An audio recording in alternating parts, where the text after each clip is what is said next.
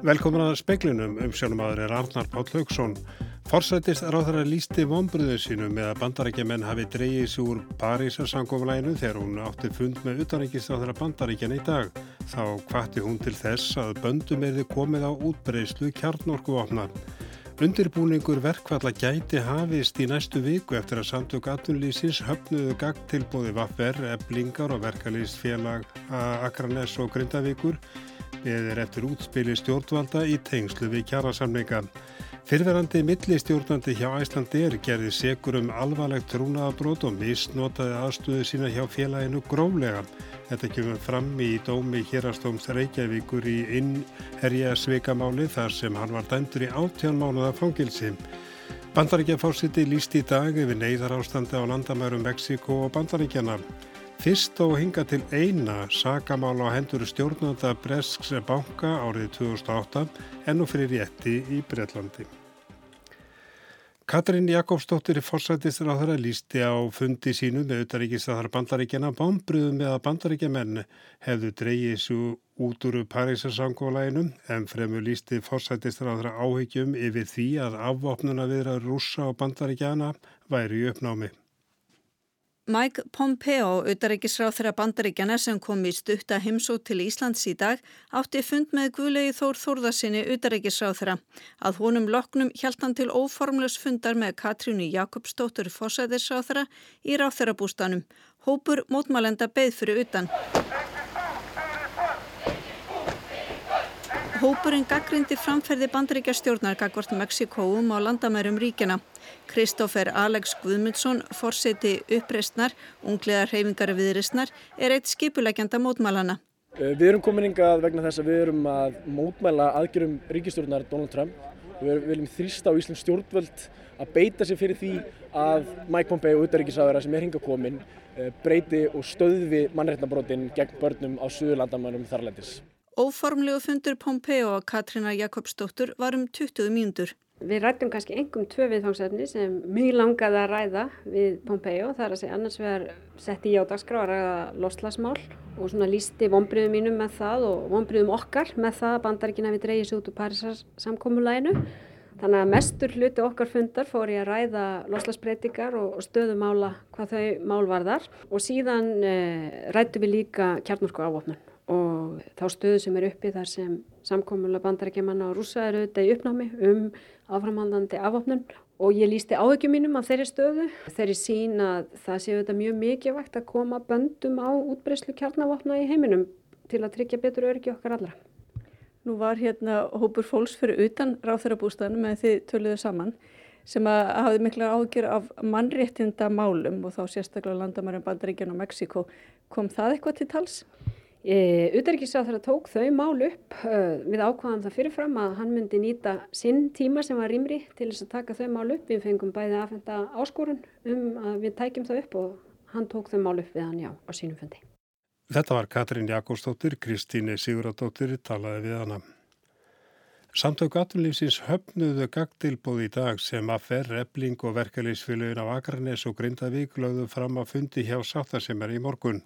Ákveði var að hittast aftur á fymtudaginn í næstu vikum.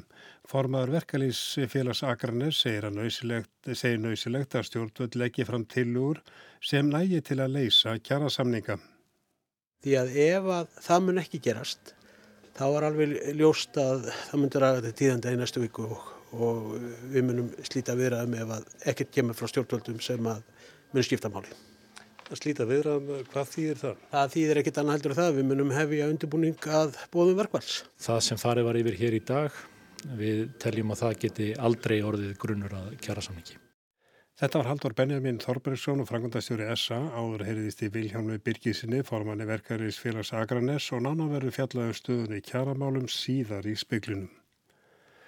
Donald Trump bandaríkjaforsiti hefur skrifað undir yfirlýsingu um neyðar ástand á landamærum Mexiko og bandaríkjana. Hann tilkynnti þetta á lóð kvítahúsins í dag. Trump sagði að takast verði á við það hættu ástand sem ríkja á landamærunum. Með því að lýsa formlega yfir neyðar ástandi fær forsetin aðganga miljardum bandaríkjadala sem hann ætlar í það verkefni að byggja múra á landamærunum. Allir vita að vekkir virka, sagði Trump í anframt. Bandaríkjaman þurfu á vegnum að halda til að stöðva glæpi og innflæði fíkni efna. Bæði demokrater og republikanar á bandaríkja þingi hafa gaggrínt þessa aðgerð Trumps. Leðtúar þeirra í báðum deildum bandaríska þingsins, Chuck Schumer og Nancy Pelosi, segja þetta löglesu og grófa misnótkun fórsetavaldsins og þetta sé örvæntingafull tilrönn fórsetans til að beina aðtikli frá þeirri staðreind hann hef ekki geta staði við lofur sitt um að láta Mexiko borga fyrir múrin. Nokkri republikanar hafa einni viðræðið efasemdir um þetta nýjasta útspill Trumps. Pelosi sem einnig er fórsetið fulltrú á dildar bandaríkja þings segist tilbúin að láta reyna á lagalagan grundvöld þess að lýsa yfir neyðarástandi í þessum tilgangi og New York Times telur nokkuð örugt að fyrst Trump lýsti neyðarástandi yfir endimálið fyrir domstólum. Haugur Hólm saði frám. Kristján Georg Jósteinsson var í hérastómi Reykjavíkur dæmtur í 30,5 árs fangilsi í innherja sveikamálu hjá Æslander. Þá gerði dómuri jafnframt upptækar 32 miljónir á reikningi félags hans eh, fastregg. Tveir aðrir voru einni ákjörður í málunum meðal annars fyrfirandi milli stjórnandi hjá Æslander. Hann hlaut 18 mánu á dóm og var tæp miljón gerð upptæk hjá honum. Finnur Þór Viljámsson, saksóknari hjá ennbætti hérasaksóknara, segir að honum sínist að ákjæruvaldið geti vel við unað í öllum aðalatriðum. Þriði maðurinn í málinu hlaut fjóra mánada skilórspundið fangelsi en tæblega 21 miljón var gerð upptæk hjá honum. Ákert var fyrir þrjú brot. Stærsta brotið var talið hafa átt sér stað í kringum afkomu viðvörun sem Æslandeir sendi frá sér í februar 2017. Meðal gagna í málinu voru tölvupóstsamskipti millir mannana þar sem þeir virðast hafa gert með sér samkómalag um að skipta með sér áhættu og þar með einnig hagnaðarvon. Dómurinn segir að við ákverðun refsingar yfir Kristjáni Georg sé liti til þess að ásetningurinn hafi verið einbeittur og einnig til þeirra hagsmuna sem voru í húfi og fjárhæða. Í dóminum yfir starfsmanni Æslandi er segir að Horst sér til einbeits ásetnings og alvarlegs trúnaðabróts þar sem hann hafi misnotað gróflega aðstöðu sína hjá Æslandi er. Þá verði einnig að líta til þess að hann hafi brotið gegn hagsmunum viðskiptarlífsins. Freyr Gíja Gunnarsson saði frá. Að minnstakosti 60 námumenn eru taldir af eftir að vatn flætti inn í göngtveggja gullnáma í Zimbabwe í vikunni. Engin vinsla var lengur í námanum, menninni laumuðu sér inn í þær í vonum að finna gull og dríja tekjur sína þannig. Ráð þeirra námuðinarins í landinu tilkynnt í dag að leita mönnunum hefði engan árangur borið. Vatn flætti inn í námuna þegar að stípla brast af völdum úrhellis rigningar að undanförnum. Líkur á því að bandarækinni leggji háa einflutningstólla á evróska bíla jökust í gær. Þá voru niðurstöðu bandaríska viðskiptaráðuniti sinns byrtar sem segja einflutning bíla ógna þjóðaröryggi. Donald Trump bandryggjaforseti óskaði eftir rannsókn ráðunitisins í mægi fyrra. Lagt var upp með að svara því hvort innflutningur evrópskra bíla ógni þjóðaröryggi en það er grundvöllur þess að hægt sé að hækka innflutningstólla. AFP fréttastofan segir skýrsluna verða að ferða á borð forsetans um helgina. Eftir að Trump hefur fengið hana í hendurnar hefur hann 90 daga til að taka ákverðunum tollana. Hann hefur hótað því að leggja 25% tolla á bíla frá Evrópu sem geti haft mikil áhrif á framleiðendur. Hvítahúsið hefur notað þjóðaröryggisraukinn til þess að réttlæta fleiri totla. Til að mynda er innflutningur á stáli og áli talið ógna öryggi þjóðarinnar þar sem hann grafi undan bandarískri framleiðslu sem verið til þess að veikja viðbræðsflíti hersins svo dæmi sér tekið. Bílaframleðendur hafa greint frá áhyggjum sínum á mögulegum tollum. Bernhard Kunt, framkvæmda stjóri Norður Ameríku deildar þýska framleðandans BMWF, sagði í viðtali við CNBC á miðvíkudag að herri tollar séu slæmir fyrir neytendur, hafi vond áhrif á tengslanett söludeilda og slæm áhrif á hagkerfið í hild. Robert Jóhansson sagði frá. Ef stjórnvöld legg ekki fram tilugur um aðgerði sem gætu leitt til lausnar kjærasamninga er útlitt fyrir að undirbúningur verkfalla hefjist í næstu viku. Ljóst er eftir að SA hafnaði gagtilbóði í morgun að bæði atvinnureikundur og verkarisefingin býða þess að vita hvað stjórnvöld eru tilbúin að gera. Trúnaður ríkir um gagtilbóði sem Vaffer, Ebling og verkalisfjölu Akarnes og Grindavíkur lögðu fram á samningafundi í dag. Það sem farið var yfir hér í dag Við teljum að það geti aldrei orðið grunnur að kjara samningi. Sagði Haldur Benjamin Þorbergsson, frangvandastjóri SA, eftir fundin hjá Sáttasemmer í morgun. Þetta þýðir vantala á mannamáli að gagtilbóðinu frá verkalýsfélagunum fjórum var hafnað. Við svo sem sörum því til að það tilbóð sem lagt var fram hér á fundi hjá Ríkisáttasemera sé óaðgengilegt fyrir samtök aðurlífsins og geti ekki orðið grunnur að kjara samningi á milli aðila. Það sem ég óttast er að líkill að kallað hefur verið eftir aðkomi stjórnvalda þessari deilu. Sá grunnur og svo nálgun sem við hefum beitt hjá samtökum aðtunulífsins er að skilgreina það svigrum sem við teljum að sé til launahækana sem að við metum sem svo að sé forsenda þess að stjórnvöld komi að laust þessara kjaraviðræna. Verkleysfélagi voru með gagtilbúðuna svara tilbúðu atvinnareikenda sem lagt var fram í fyrra dag. Það tilbúð SAS nýr einungis að launaliðnum og svo verið sem hugmyndum um breytingar á vinnutíma hafi verið ítt til hliðar. Tilbúð er blanda af krónutöluhækkun og prósenduhækkunum. Sangvað því ættu laun yfir 600.000 krónum á mánuði að hækkum með 2,5% árlega næstu þrjú árin því tilbúið miðast við að sami veri til tryggja ára.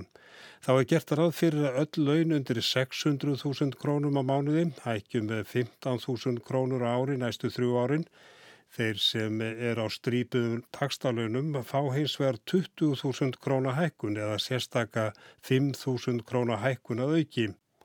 Lægstu takstar innan eblingar eru 266.700 krónur og miðast 20.000 krónar hækkurinn við þann taksta. Það þýðir að lægstu takstalögn verða komin í 326.700 krónur af þremur árun liðnum. Svo kalluðu lámaslaun upp á 300.000 krónur sem sami varum í síðustu kjarasanningum er launatrygging. Það þýðir að þeir sem er á taksta undir 300.000 fá uppbót til að ná upp í þessa uppæð. Til að flækja máli aðeins er hæsti takstinn innan starfskræðarsambansins 300.680 krónur. Í tilbúðu SA er gert á fyrir að lámanslaunin eða launatryggingin fara upp í 350.000 krónur við samningslokk. Krafaverkalisefingarinnar hljóðu upp á 42.000 króna árlega hækkun mánuðalauna og að í samningslokk yrðu mánuðalaunin eða lámanstakstalauninn komin upp í 425.000 krónur. En trúnaður ríkir um gagtilbúðu sem lagt var fram í dag. Það var svona í átt að þess að reyna að ná hér saman kjærasamningum en það tókst ekki. Þeir höfnuðu þessu tilbúði. Segir Viljómar Birgisson, formadur verkalýsfélags Akranes. En það sem við teljum vera mikilvægast núna er að stjórnvöld núna einhendir sér í vinnuna um það hvað þau eru tilbúin til þess að gera til þess að sé að koma hér á kjærasamningi. Því að ef að það mun ekki gerast þá var alveg ljóst að það myndir að þetta tíðanda í næstu viku og, og við munum slíta viðraðum ef að ekkert kemur frá stjórnvöldum sem að mun skipta máli. Að slíta viðraðum, hvað þýðir það? Það þýðir ekkert annað heldur það, við munum hefja undirbúning að bóðum verkvals. Viljámur segir að félögi geti alls ekki fallist á tilöguðar sem SA lagði fram. Nei, við getum ekki fallist á þetta og þetta er tölvert frá okkar markmiðum. Okkar markmið er umfællega þannig að við náum að slá þannig skjaldborg utan þá sem eru á lagstu teikjónum þannig að fólk geti framfleitt sér frá mánuði til mánuðar og haldi mannleiri reist. Það þarf að koma meira til til að það gerist en auðvitað hef ég, eins og ég hef oft sagt áður, það er hægt að auka rástjónatekjur uh, fólks með uh, margvíslegum hætti, ekki bara beinu launahækunum, til dæmis með því að létta verulega skattbyrðinni á þeim sem að höttustu fætti standa sem og að hækka barnabætur lækka hér vexti, afnema hér verðtryggingu, taka húsnæðasliðin út úr lögum um vext og verðtryggingu og fleiri, fleiri slíki þættir sem myndu hafa áhrif á ráðstöðunatekki fólks. Þannig að það eru fleiri þættir heldur en bara launahækkunar einu og sér sem skiptamáli. Þó að samtök atunlýsis hafi hafnað gagtilbúði verkalýsfélagana er bóðar annar fundur á 50 daginn kemur. En hvað þarf að gerast að fram að þeim tíma að mati Viljáms? Það er það sem að þarf að skýrast núna. Hvað ætla stjórnvöld raunverulega að gera til að liðka fyrir þessum kjærasamningum til þess að við getum síðan tekið afstöðu til þess hvort þessi grundvöldur yfir höfuð að halda þessu viðræðum áfram.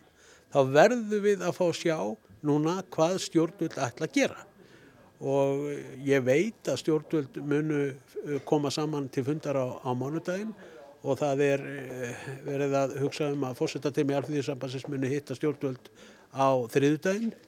Þannig að ég vonast til þess að við sjáum einhver drög sem að hugsanlega geti gert það að verkum að við getum tekið viðræður upp aftur og, og, og haldið áfram og reynd til þrautar að ná hér saman kjærasamlingi og forða íslensku vinnumarkaði frá mjög hörðum átals, átals, eh, hérna, verkvælsátökum því að ábyrð okkar allra er mikil en ég ítreka það að e, ábyrðin likur ekki engöngu á herðum látekjufólks, svo mikið ég vist.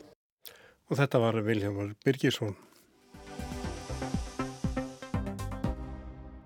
Á morgun mótmala gul vestungar í Fraklandi 14. lögardaginn í röð. Óðbeldi og skemdarverk hafa fyllt mótmalanum og Emmanuel Macron fórseti hefur neist til að gera grundvallar breytingar á stefnu sinnu og áætlunum. Samskipti Frakka og Ítala, Ítalíu hafa ekki verið svona slæmi frá síðari heimstyrjöld. Gulvestungar eru æði mislitur hópur með óljós og misvísandi markmið. Virðingarleysið saminar gulvestunguna. Engin mótmæli hafa staðið yfir lengra tímabili í Fraklandi frá stríðslokum. Sjálfur segja gulvestungar reyndar að þetta séu ekki mótmæli heldur uppreist. Markmiðið er ekki bara að koma Makrón frá völdum heldur afnema stjórnarskrána og fulltrúalýðræðið. Stuðningur almennings er þó takmarkaður og hefur farið dvínandi. Mótmælinn hafa að mestu verið friðsamleg en meðal gulvestunga eru líka orðhákar og afbeldisfullir óerðasekkir. Í fréttaskýringu Guardian segir að ekki sé einfalt að skilgreina gulvestunga. Öllu ægið þar saman. Þar er engin eiginleg fóristu sveit, sameinleg markmið eða stefnusgrá. Það gerir reyfinguna bæði heitlandi og varhugaverða. Kveikjan var andstaða við hækkandi bensínverð en síðan hefur mikið vatnurunni til sjávar.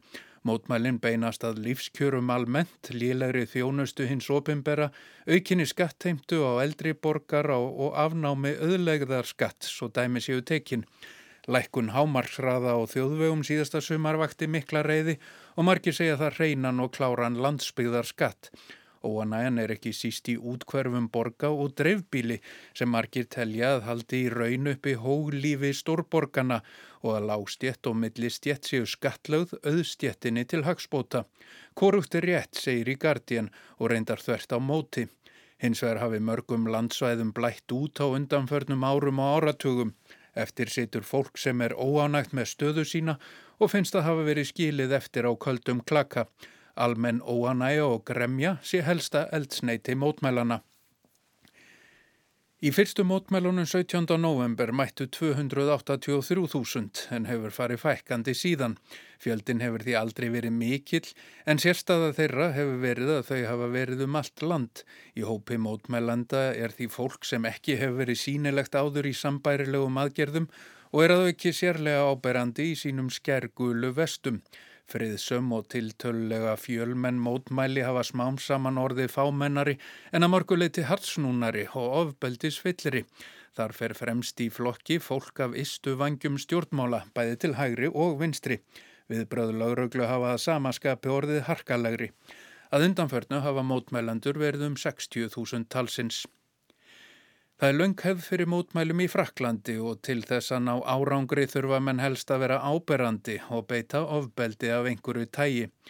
Mótmælendur hafa yfirleitt verið úr verkalýsfélugum, bændur, stúdentar eða úr fátækum útkverfum stórborga.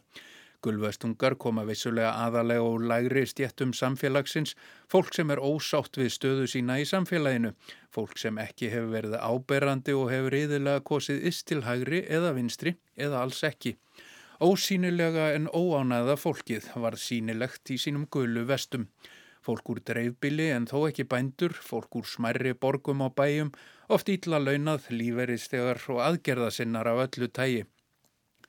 Venjulegur eru markmið mótmæla alveg skýr og stefnu skráin klár en ekki hjá gulvestungum.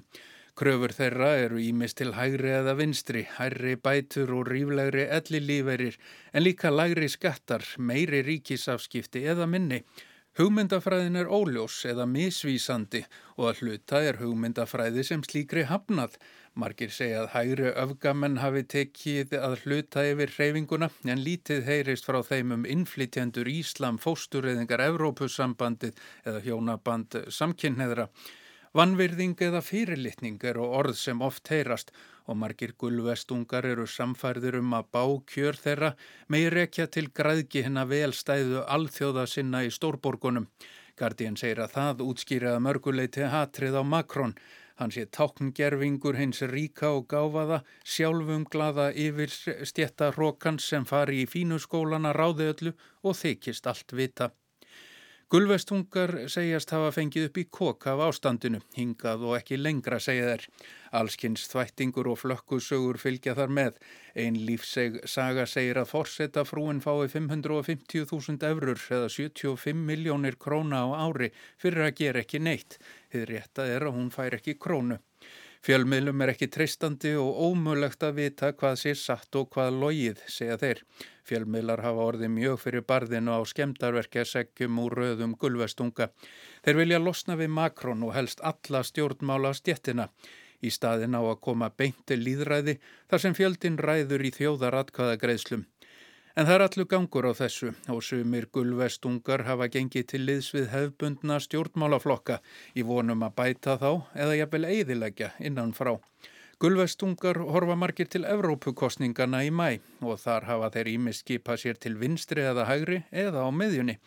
Það varð reyndar að milliríkja deilu á dögunum þegar Luigi Di Maio aðstóðar fórsetisráð þeirra Ítalíu og leðtói fimm stjórnur reyfingarinnar mætti óvænt í útkvarfi Parísar til að lýsa yfir stuðningi við eina af þessum reyfingum.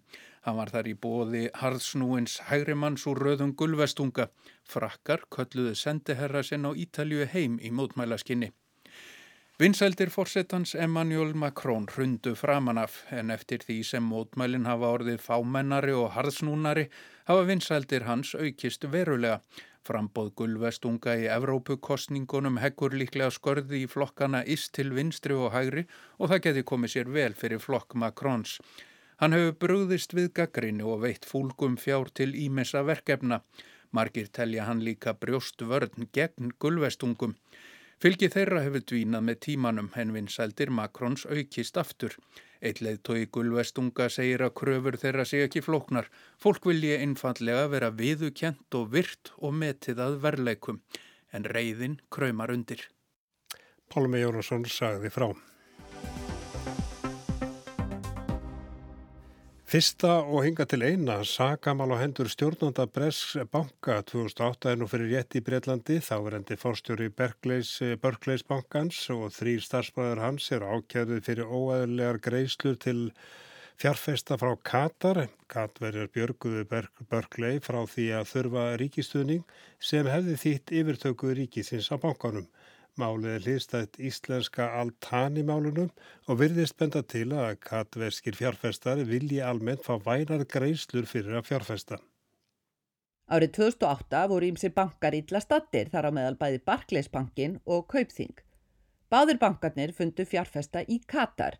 Við nánari aðtugum komi ljós að Katar fjárfestingin í Kaupþingi var blekking. Kaupþing lánaði Katarbúum fyrir henni og vísbendingar um að Kaupþing hafi alltaf að lána þeim 50 miljónir bandaríkjadala sem fyrir framgreitan hagnað.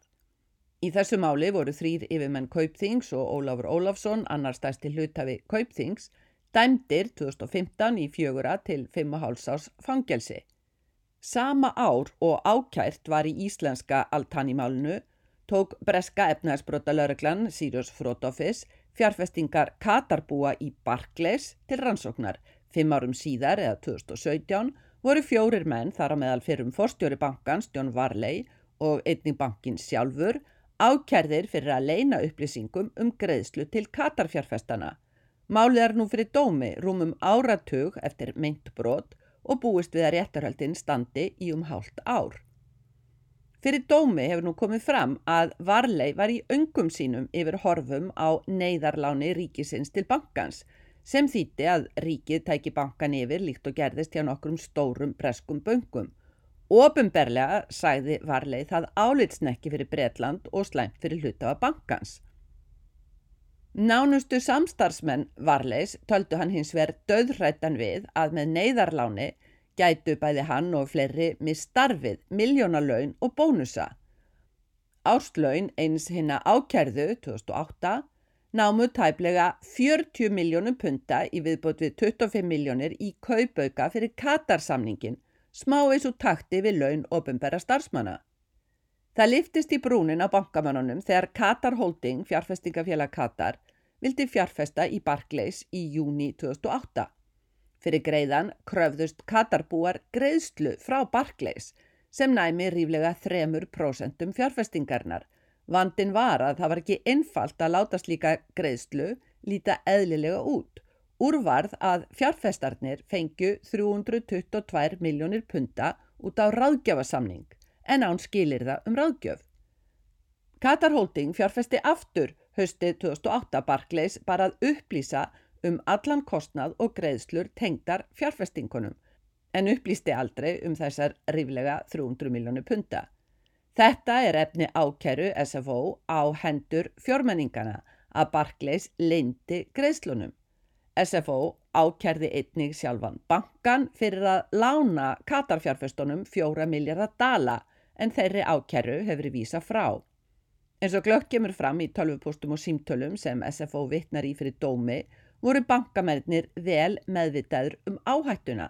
Greiðslurnar væri bara bakdýragreiðslur.